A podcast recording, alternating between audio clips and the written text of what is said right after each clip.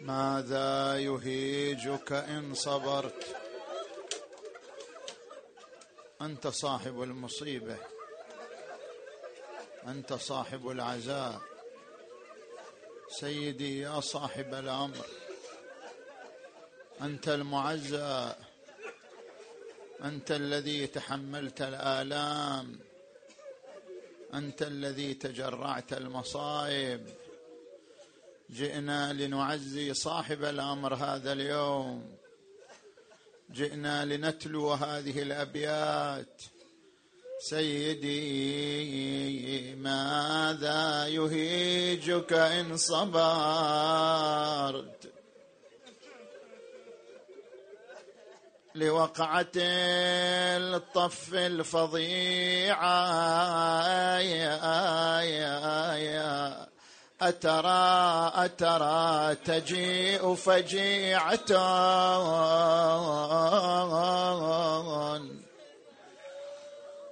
بأماض من تلك الفجيعة. ما هي الفجيعة؟ يريد يسمع منك ها ما هي الفجيعة؟ سيدي حيث الحسين.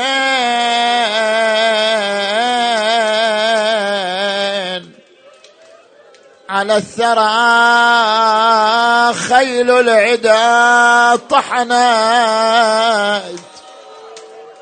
يعز عليك يا صاحب العاصي أدري أنت تقول داست الخيل على صدري أنا مو صدر جدي. حيث الحسين على الثرى خيل العدا طحنت ضلوع يا يا يا يا بعد ذبحته آل أمية ضامن ضامن إلى جنب الشريعة يا يا يا. ورضيعه بدم الوريد مخضب. فاطلب رضيعة يا يا يا يا يا يا. بقي على الثرى ما حد حضر عنده وحفر قبره. ولا حد جاب كافورة وسدرة خيل الأعوجية وطت صدره.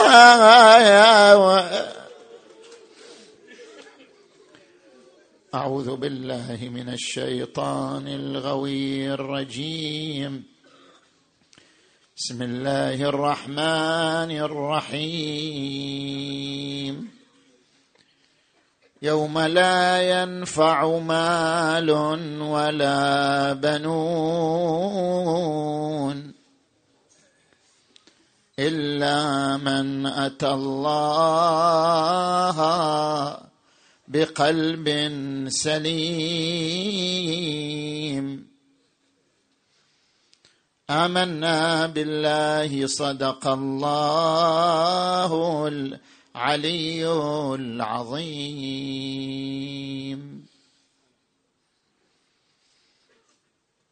القلب السليم. هذه المفرده الجميله نتحدث عنها في محورين. الأول كيف نكتسب القلب السليم؟ كيف يكون لنا قلب سليم؟ لا نريد أن يفاجئنا الموت ونحن بلا قلب سليم. لا نريد أن يداهمنا المنون ونحن نقول وفدت على الإله بغير زاد من الحسنات والقلب السليم. اذا علينا أن نغتنم الفرصة فرصة العمر. فرصة الحياة. في تحصيل القلب السليم. حتى يكون قلبي سليما معافى لا بد أن يمر بمراحل ثلاث. التخلي والتحلي والتجلي.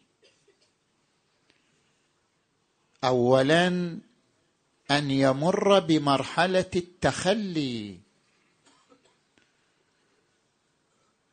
أن يكون هذا القلب متخلصا من الأمراض متخلصا من الآفات والأوبئة وأعظم وباء وأعظم آفة على القلب أن يتخلص منها آفة الحقد على الناس. آفة البغض للناس.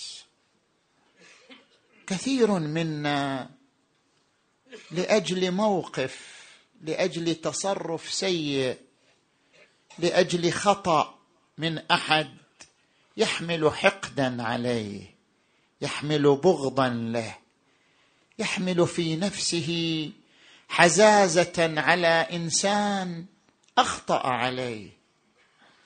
هذا الحقد ليس من صفات المؤمنين. هذا الحقد علامة مرضية على أن القلب ليس سليما. إذا أردنا أن يتخلى القلب حتى يصبح سليما فأهم خطوة تنظيف القلب من شوائب الحقد على الناس. ليكن قلبك مفتوحا طاهرا أبيض ناصعا. ربنا اغفر لنا ولإخواننا الذين سبقونا بالإيمان ولا تجعل في قلوبنا غلا. الغل هو الحزازة هو الحقد.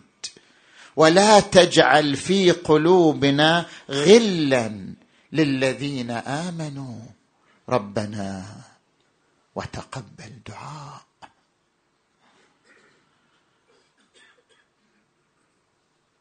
ربما يقول الإنسان أنا لا أستطيع أن أتخلص من الأمراض. أنا مبتلى بالمعصية. أنا مبتلى بالشهوات. أنا مبتلى بالإغراءات. لا أستطيع أن أحرر نفسي من ذيول من حبال من شرك المعصية. لا أستطيع. كلما حاولت أن أتخلص من المعصية كلما حاولت أن أتحرر من الرذيلة كلما حاولت أن أقلع عن الذنب لا أستطيع. أرجع مرة أخرى ومرات وكرات إلى الذنب فماذا أفعل؟ كيف اقطع هذه المرحلة مرحلة التخلي؟ كيف أتخلى من الذنوب وأنا لا أستطيع مقاومة الذنوب؟ لا أستطيع مقاومة الشهوات والإغراءات. كيف أتخلى؟ نظير شخص أن يقول أنا لا أستطيع أن أترك التدخين. لا أستطيع. حاولت حاولت مرار كرار. ما استطعت. أعود إليه مرة أخرى. العذر هو العذر. الذي يقول لا أستطيع ترك المعصية. المعصية لذيذة المعصية جميلة.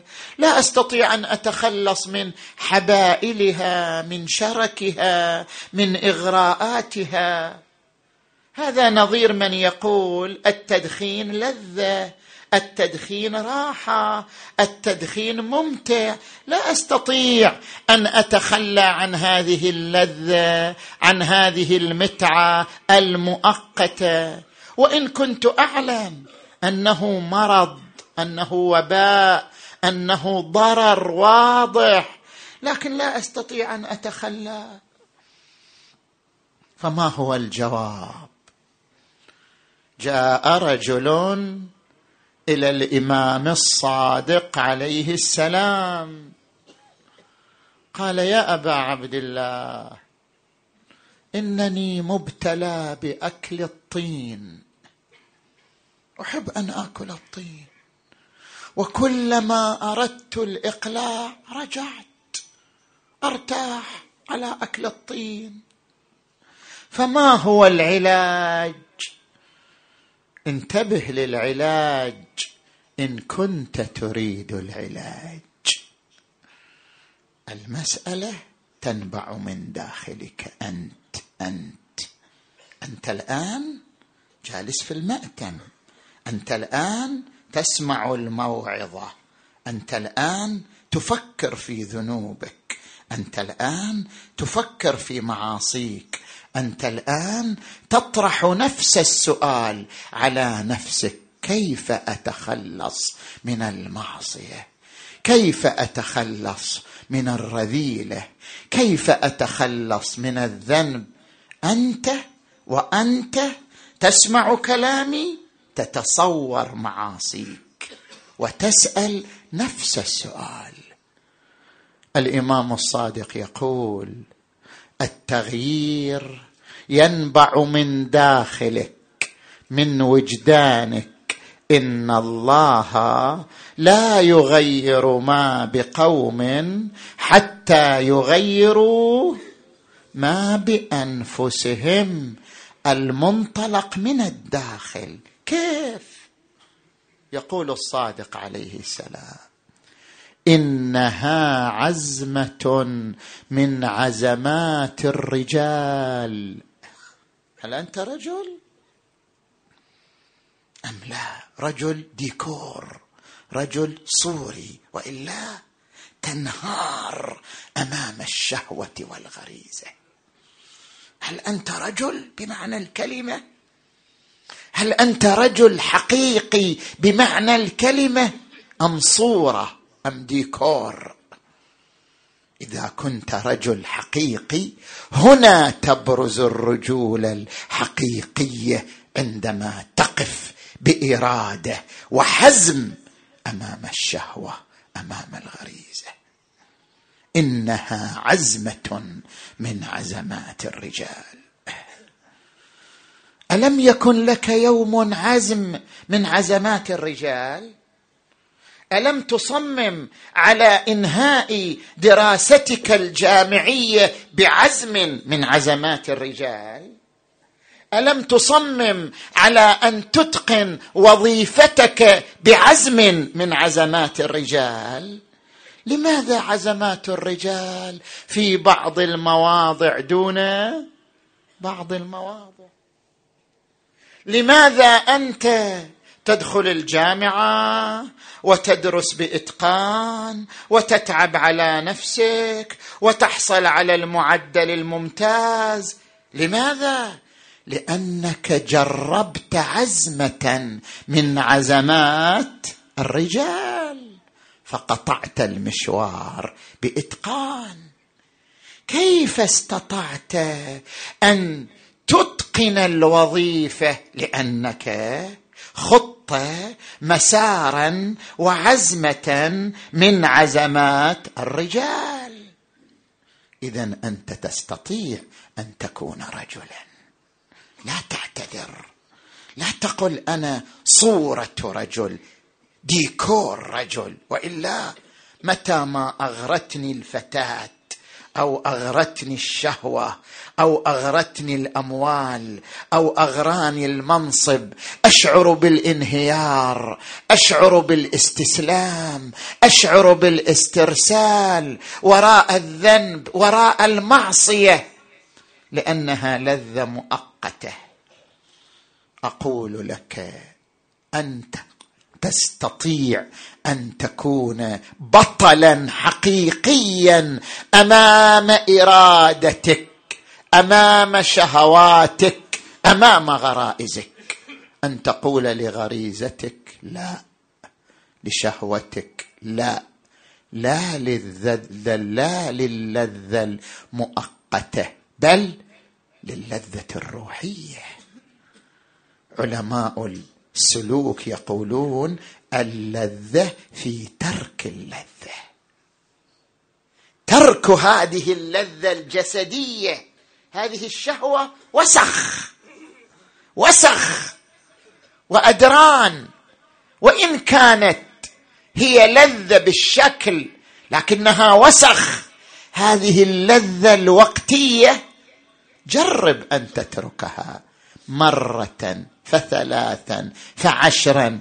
اللذة في ترك اللذة. ستشعر باللذة الروحية وأنت تقاوم اللذة الجسدية لذة المعصية لذة الرذيلة. جرب أن تعيش رجلا. جرب أن تكون صاحب إرادة. جرب عزمة من عزمات الرجال. جرب ما يقوله أمير المؤمنين علي عليه السلام وإنما هي نفسي أروضها بالتقوى. ليس من يطوي طريقا بطلا. البطولة ليس أن يكون لك جسم رياضي مفتول العضلات. البطولة ليس أن تقاوم الناس وتتحداهم. البطولة ليس أن تبرز نفسك في مواضع الرياء والإبراز. البطولة إذا جلست مع نفسك هنا تظهر البطولة. أما أمام الناس أنا وانظروني أعمل وأصنع وأعزي وأبكي وأفعل. لا! البطولة الحقيقية عندما تكون مع نفسك.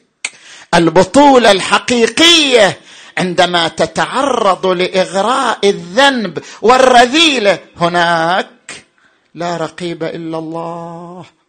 هناك لا ناظر إلا الله. هناك تظهر البطولة الحقيقية بطولة الإرادة. بطولة الصبر بطولة العزيمة عزيمة من عزمات الرجال. التخلي.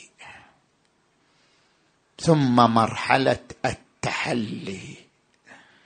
كيف نتحلى بالفضائل؟ يقول القرآن الكريم والكاظمين الغيظ والعافين عن الناس. والله يحب المحسنين. اكظم غيظك. اصبر. تروض. الخير عادة والشر عادة. كما اعتدت على التدخين تعتاد على عدمه. كما اعتدت على المعصية تعتاد على الطاعة. كما اعتدت على الرذيلة تعتاد على القربه الخير عادة والشر عادة في البداية صعبة في البداية كلفة في البداية مؤنة لكن بمرور الوقت سوف تعتاد على ترك الذنب والرذيلة. هنا تبرز مرحلة التحلي. قاوم! الغضب بالحلم. إن لم تكن حليما فتحلم. قاوم لذة المعصية بلذة الصلاة بلذة العبادة بلذة المناجاة بلذة الوقوف بين يدي الله تبارك وتعالى. فستصل حتما إلى مرحلة التجلي. ما هو التجلي؟ أن يضيء قلبك أن يشرق قلبك. القرآن الكريم يقول أفمن شرح الله صدره للإسلام فهو على نور فهو على نور من ربه. قلبك يفيض نورا. إذا تخليت تحليت تجلى النور الإلهي في قلبك فهو على نور من ربه. يا إخوان يا أعزائي الآن ساعة موعظة ساعة ذكرى لسيد الشهداء ذكرى العبادة ذكرى التقوى. ذكرى قوة الإرادة ذكرى العزم والحزم والتحدي. هذا هو سيد الشهداء. لأجل ذلك أعرف أن هناك قلبا نوريا وقلبا ناريا. هل أنا قلبي نوري أو قلبي ناري؟ العياذ بالله. القلب حتى يتحول إلى قلب ناري يمر بمراحل ثلاث غفلة عمى ثم يصبح قلبا ناريا. المرحلة الأولى أغلبنا فيها مرحلة الغفلة. غفلة! لهم قلوب لا يفقهون بها. لهم آذان لا يسمعون بها. يسمع الموعظة بس ما تدخل الموعظة إلى القلب ما تدخل. لهم أعين لا يبصرون بها يرون الموتى أمامهم يشيعونهم يدفنونهم يبكون عليهم لكن العين لا تعتبر.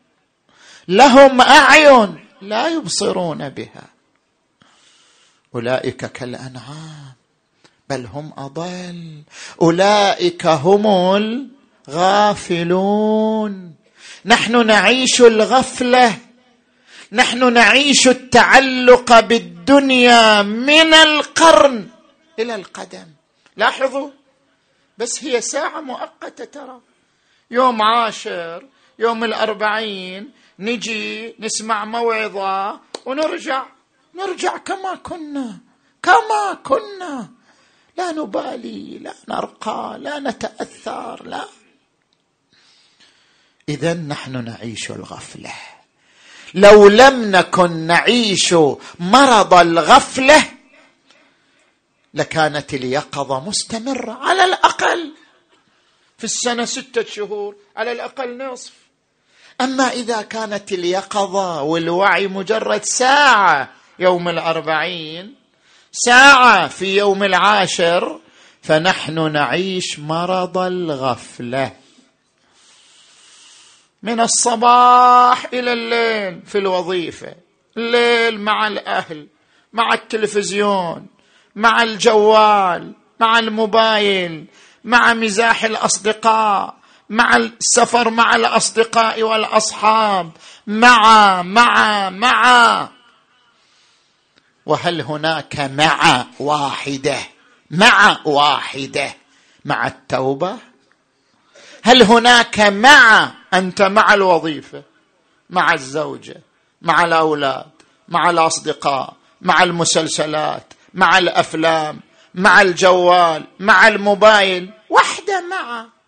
مع وحده مع التوبة مع الإنابة مع الرجوع إلى الله. إن الله يحب التوابين ويحب المتطهرين. فإذا نحن نعيش مرض الغفلة. الإمام علي عليه السلام وقف على السوق والناس مشغولة. مو عيب الانسان مشغول بالكسب على العيال والأطفال. لكن المشكلة ليست في الكسب. المشكلة في أنه ليس له مع أخرى فقط مع الوظيفة والكسب. ليس هناك مع التوبة مع الإنابة. هذه هي المشكلة.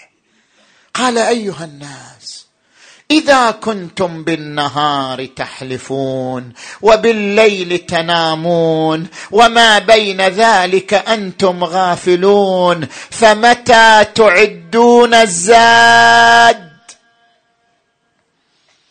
ومتى تهيئون للمعاد؟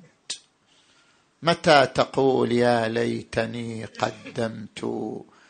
ماذا متى تعي لهذه الآية؟ لا يا ليتني قدمت لحياتي. متى؟ هذه المرحلة الأولى مرحلة الغفلة. كلنا مصابين أغلبنا مصاب. المرحله الثانية مرحلة العمى. إنها لا تعمى الأبصار ولكن تعمى القلوب التي في الصدور. مرحلة العمى. عمى يعني شنو؟ يعني لا يبالي. الأول كان غافل متعلق بالدنيا الآن لا. يحضر المسجد يحضر المأتم يسمع الموعظة يقرأ دعاء كمين لكن لا يتأثر أبدا. كلها لقلقة لسان. وصل إلى مرحلة العمى. يقرأ دعاء يصلي النافلة أما لا يتأثر ولا يتغير أبدا. هو هو. هو خارج المسجد هو داخل المسجد مجرد ألفاظ يتلوها على لسان. هو هو. أعمى. ومن كان في هذه الدنيا أعمى يعني أعمى القلب فهو في الآخرة أعمى وأضل سبيلا. والمرحلة الثالثة والعياذ بالله أن يتفحم القلب ويصبح قطعة سوداء. يعني يصبح ناريا. كيف يصبح ناريا؟ أليس القرآن يقول قوا أنفسكم وأهليكم نارا. من وقود النار؟ الناس. وقودها الناس والحجارة. إذا تفحم القلب صار وقودا للنار صار قطعة من النار صار حجرة في النار. هل تريد أن تصل إلى هذه المرحلة؟ أنت الآن الفرصة أمامك. مرحلة الغفلة. بددها بالذكر. فاذكروا الله. كذكركم آباءكم. بدد الغفلة بالذكر. كي لا تصل إلى مرحلة العمى. كي لا تصل إلى مرحلة القلب الناري الذي يصبح قطعه من النار. بدد مرحلة الغفلة لكي يكون قلبك نوريا.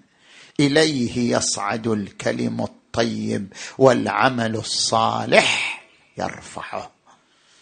إذا صار قلبك نوريا صار قلبك سليما. يوم لا ينفع مال ولا بنون إلا من أتى الله بقلب سليم. نأتي إلى المحور الثاني. ما هي عناصر تكوين القلب السليم؟ أنا صممت. أريد جدول. أريد برنامج. أسير عليه لكي يتحول قلبي إلى قلب سليم. ما هو الجدول؟ ما هو البرنامج؟ البرنامج كيفية وقت مكان. ثلاثة عناصر اهتم بها. العنصر الأول الكيفية. كيف تصلي؟ إن الصلاة تنهى عن الفحشاء والمنكر. صلاتي لا أثر لها علي. أصلي وأنا مصر على الذنوب. أصلي وأنا مصر على اختلاس أموال الناس. مصر على عدم أداء ديون الناس مصر على غيبة الناس مصر على إشاعة الفتنة والنميمة بين الناس مصر على الكذب مصر على الشهوة مصر على الرذيلة. صلاتي لا أثر لها علي. اذا أنا أحتاج إلى تغيير الكيفية غير الكيفية. قد أفلح المؤمنون الذين هم في صلاتهم خاشعون. تقول أنا ما أقدر أخشع في الصلاة الظهر وقت العمل المغرب جاي متعب الفجر يمكن أجلس من النوم يمكن ما أجلس. ركعتان في ظلام الليل. تحيي قلبك تغير شخصيتك تحولك من إنسان فاشل في العبادة إلى إنسان ناجح في العبادة. ركعتان. ورد عن النبي صلى الله عليه وآله ركعتان مقتصدتان. ما يحتاج تطول مقتصدتان. ما بتقرأ فيها لا دعاء ولا دعاء أبي حمزة. ركعتان مقتصدتان بتفكر خير من عبادة سنة. ركعتان. ولكن هاتان الركعتان بشرط بشرط المحاسبة محاسبة النفس. أن أجلس أمام ربي وأبدأ أسترجع الشريط الأسود. أسود! من كثرة الذنوب من كثرة المعاصي. أسود! هكذا صنعت هكذا أذنبت هكذا فعلت. أليس الإمام الحسين يعلمنا؟ ونحن في ذكراه في دعاء عرفة. أنا الذي فعلت. أنا الذي تركت أنا الذي اعتمدت أنا الذي تعمدت أنا الذي غفلت أنا الذي عصيت أنا الذي أخطأت أنا الذي سهوت أنا أنا أنا. هذا الحسين هذه روح الحسين. قل لربك أنا. أنا فعلت أنا أخطأت أنا أذنبت الذنب الكذائي الذنب الفلاني أنا فقير بين يديك أنا متعلق بك أنا متشبث بتوبتك. اجلس حاسب نفسك. كل ليلة خمس دقائق صعبة مو صعبة. حاسبوا أنفسكم قبل أن تحاسبوا وزنوها قبل أن توزنوا. محاسبة النفس هي الطريق للتغيير. والعنصر الثاني الوقت. الوقت. اختر الوقت المناسب. ينام الأهل ينام الأولاد يظلم الليل تهدأ العيون تهدأ الأبصار. هذا هو الوقت المناسب لأنك تستحي أن تبكي. أدري عنك. يقول أنا رجل أستحي أن أبكي أمام زوجتي أستحي أن أبكي أمام أولادي أبكي من ذنبي أستحي. هو ما يستحي من المعصية لكن يستحي يبكي أمام زوجته. الرجولة ما تظهر وقت المعصية. تظهر وين؟ إذا قيل له أبكي على ذنبك يستحي أن يبكي. البكاء ليس علامة ضعف. البكاء ليس علامة انخذال. البكاء غسيل للقلب. البكاء عملية تطهير وتنظيف. البكاء عملية تغيير. اجلس. ولو خمس دقائق ابكي على ذنبك ابكي على نفسك ابكي على شريطك الأسود. وما لي لا أبكي. ولا أدري إلى أين مصيري. وقد خفقت عند رأسي أجنحة الموت. وما لي لا أبكي أبكي لخروج نفسي. أبكي لظلمة قبري أبكي لسؤال منكر ونكير إياي. أنت أعظم من الإمام الحسن الزكي وهو يبكي. الإمام الحسن الزكي وقت الاحتضار يبكي. يقال ما يبكيك وأنت سيد شباب أهل الجنة. أبكي لخصلتين. قال أبكي لخصلتين. فراق الأحبة وهول المطلع. هول. الموت هول. العالم الآخر هول. عالم مرعب. عالم غريب. وأنت لا تريد أن تخطو خطوة نحو إصلاح ذلك العالم. أبكي لخصلتين فراق الأحبة وهول المطلع.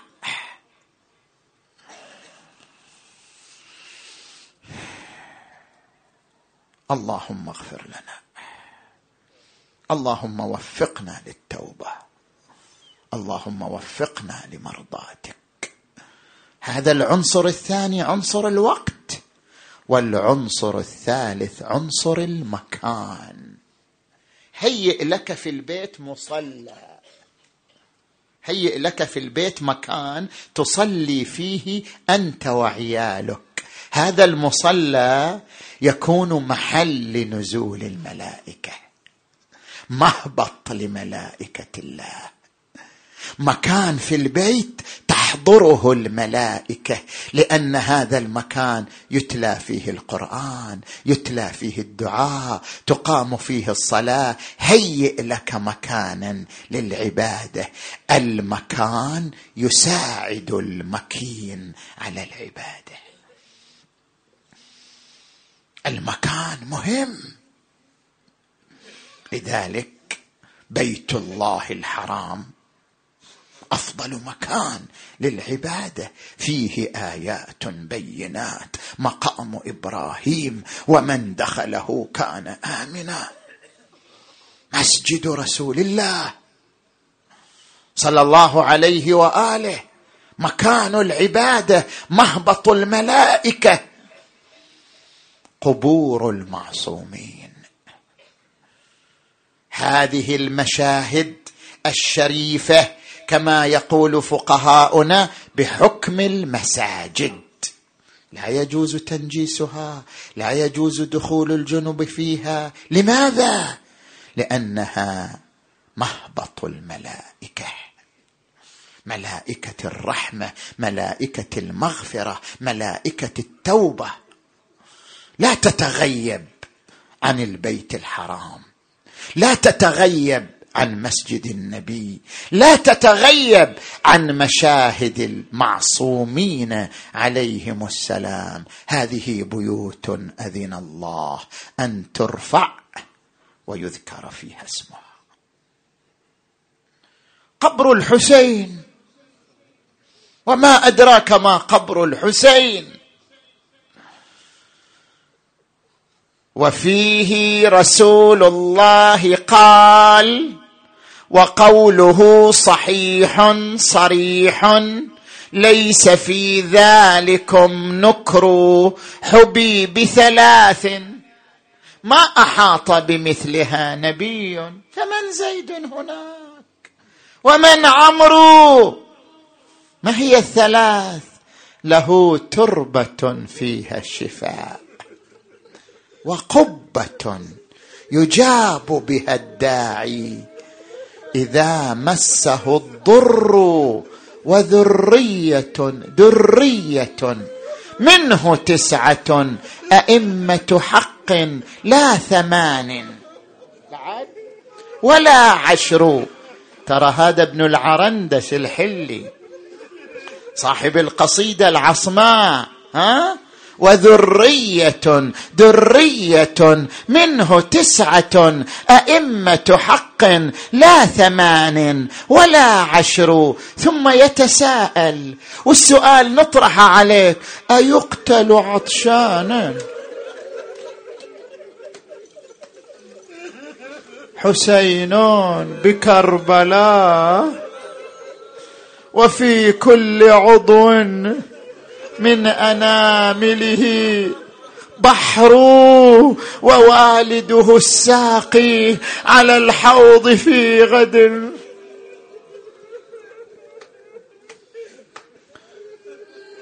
تعرض قبر الحسين للإبادة.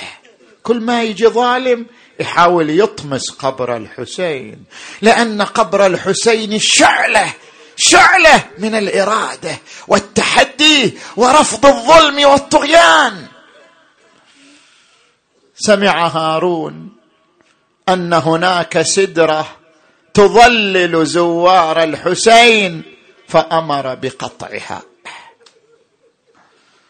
وسمع المتوكل بقبر الحسين فأرسل جنوده وجلاوزته وهدموا صندوق القبر وحرثوا القبر وارسلوا الماء لمحوه وطمسه فحار الماء على قبره. ثم جاء الشيعة جاء الموالون يبحثون أين تلك البقعة؟ أين تلك النقطة؟ أين ذلك الموضع الذي فيه القلب الموزع بالسهم المثلث. أين ذلك الموضع الذي فيه الخنصر المقطوع؟ والكفان المبتورتان. صاروا يرفعون من التراب قبضة بعد قبضة بعد قبضة إلى أن شموا رائحة المسك من التراب. قالوا ها هنا قبر الغريب. قبر الغريب أبي عبد الله. أدري أنت مشتاق أدري. أدري قلبك ويا الزوار اليوم أدري. أدري روحك ويا كربلاء مع كربلاء اليوم ها؟ اي أبا عبد الله إن لم يجبك بدني عند استغاثتك. ولساني عند استنصارك. أبا عبد الله من قلبك فقد أجابك قلبي. وسمعي وبصري أنا أناديك من هنا من هذا المأتم حسين. يا حسين لبيك أبا عبد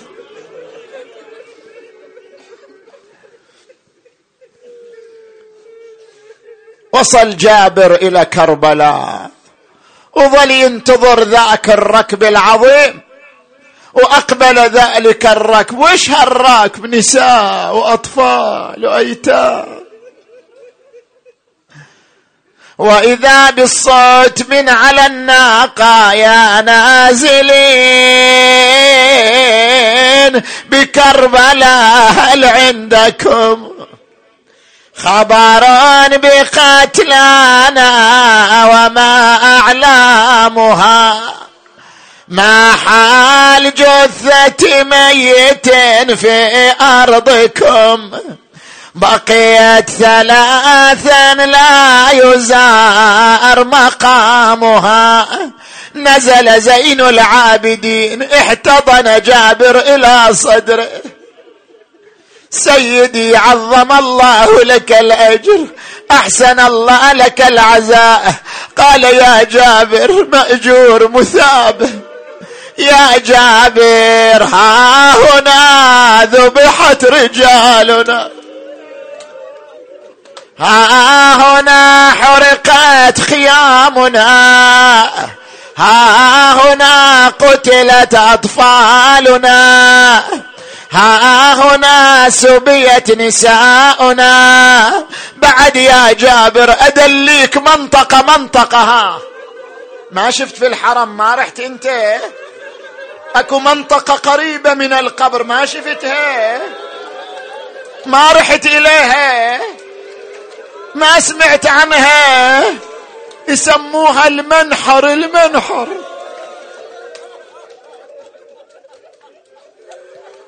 عجيب. عجيب. المنحر. منطقة اسمها المنحر. ها هنا. أخذ بيده أوصله إلى المنحر. ها هنا. صعد الشمر.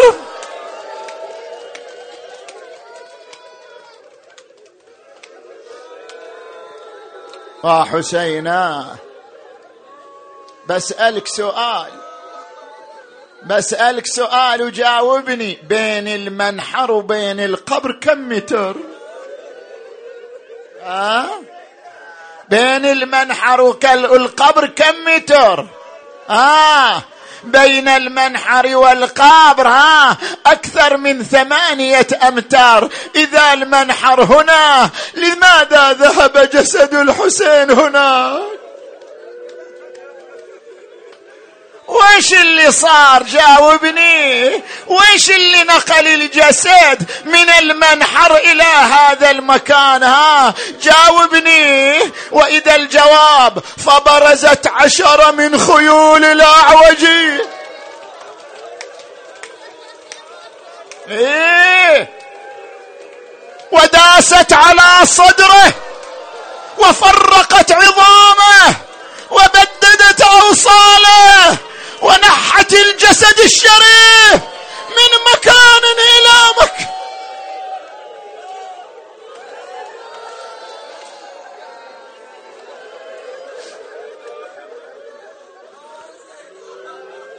حسينا.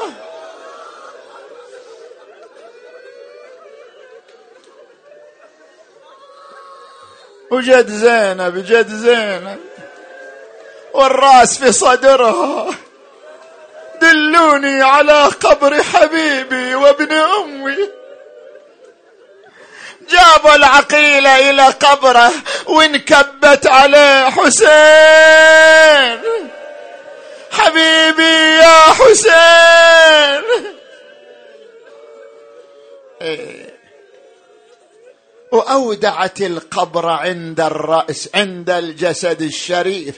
أودعت الرأس عند الجسد الشريف. وكان هذا الفراق الثاني. هذا فراق الرأس الفراق الثاني. سبق فراق قبل الفراق. ما هو ذاك الفراق؟ ما هو أول فراق بين زينب وبين الحسين؟ عندما نادى الحسين أخي اجمعي لي عيالي وأطفالي أخي ائتني بجوادي. من ذا يقدم للجواد ولامتي؟ ترى غريب غريب. وحيد وحيد. من ذا يقدم للجواد ولامتي والصعب صرعى والنصير قليل. فأتته زينب بالجواد تقوده والدمع من ألم الفراق. يسيل. نادته قد قطعت قلبي يا أخي. حزنا فيا ليت الجبال تزول. أرأيت أختا؟ قدمت لشقيقها فرس المنون ولاحما وكفيل يا نور عيني. يا حشاشة مهجتي من للنساء الضائعات دليل؟ وحسينا وإماما. هذه ساعة الفراق الصعبة ساعة الوداع الصعبة. جمع الحسين عياله وأطفاله في خيمة العليل السجاد. التفت إلى إلى النساء. يا بنات علي وفاطمة هذا علي بن الحسين إمام. استمعن لأمره أطعن لأمره استمعن لنهيه. ثم التفت إليه بني هؤلاء يتامى من بعدي. بني سكن لوعتهن. بني نشف دمعتهن. بني هدئ روعتهن. ثم همس في أذنه الشريفة. عند عند عند وصية. بناي وأبلغ شيعتي عن السلام. سلم عليكم أبو علي. سلم عليكم الإمام. ردوا عليه السلام اليوم يوم رد السلام. أريدكم كلكم بصوت واحد تردوا السلام اليوم. السلام على الحسين وعلى وعلى أولاد الحسين وعلى بعد كررها ليسمع صوتك. السلام وعلى وعلى أولاد الحسين وعلى أصحاب وعليكم السلام عظم الله أجوركم. ثم خرج من الخيمة. قال أخي زينب أين حبيبتي سكينة؟ قالت بحثت عنها فلم أجدها. صار الحسين يفحص عنها. وإذا هي جالسة وراء الخيام في حر الشمس في حر الظهيرة على الرمال تبكي وحدها. إيه ترى فراق الأب لبنته صعبة. الأب يشعر بالفراق مع البنت. البنت عزيزة. جاء عندها بني لماذا لا تودعيني؟ قالت أبا أبا أنا لا أطيق الوداع. أبا لا أطيق الفراق. جلس عندها قالت امسح على رأسي كما تمسح على رؤوس اليتامى فأنا بعد ساعة يتيمة. سيطول بعدي يا سكينة فاعلمي من كل بكاء إذا الحمام دهاني. لا تحرقي قلبي بدمعك حسرة. ما دام مني الروح في جثماني فإذا قتلت فأنت أولى بالذي تبدينه يا خيرة النسوان. قام منها وودعته الأطفال والأيتام صعد على فرسه مائلا نحو المعركة. وإذا بالصوت خلفه أخي حسين أخي حسين قف قليلا. وقف الحسين أدار وجهه. وإذا بزينب لبست ثياب أمها الزهراء إيه لازم تحضر الزهرة لازم. لازم تتوجه إلى الزهرة لازم. نزل الحسين وقد ارتعدت فرائصه. وارتعش جسده. قال أخي قطعتني يا قلبي ماذا تريدين؟ قالت أخي اكشف لي عن صدرك ونحرك. كشف لها قبلته في صدره ونحره. ثم توجهت نحو المدينة. وانت وياه السلام عليك يا أمة. يا مكسورة الأضلاع. لقد أديت الأمانة قال الحسين وأي أمانة؟ قالت أوصتني أمي عند وفاتها. قالت بني زينب إذا رأيت ولدي الحسين غريبة وحيدة فقبلي في صدره ونحره وها أنا قد أديت الأمانة. قال الحسين لماذا صدري؟ لماذا نحري؟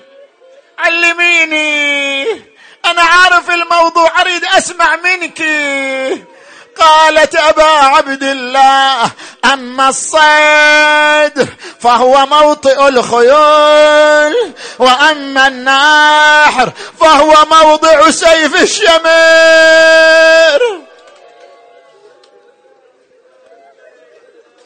أنا خايفة ولا تقول ما ادري أنا خايفة ينهتك ستري.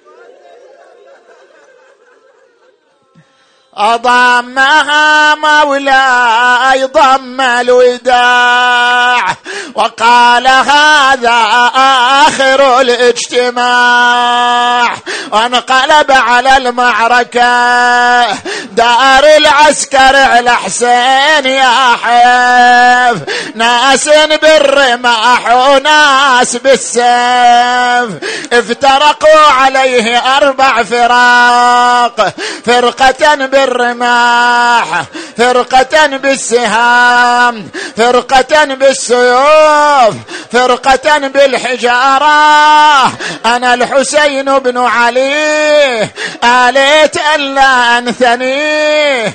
أحمي عيالات أبيه أمضي على دين النبي حتى كثرت جراحه وضعف بدنه ونحل جسمه. وقف بأبي وأمي وإذا بحجر أبي الحتو وقع على جبينه وحسينا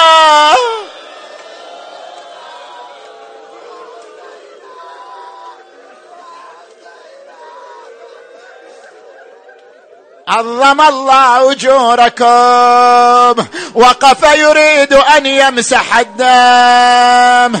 يا شيعة الحسين وقد ظلمت الدنيا في عينيه واسود الأفق في وجهه. يا الله يا صاحب الزمان يعز عليك.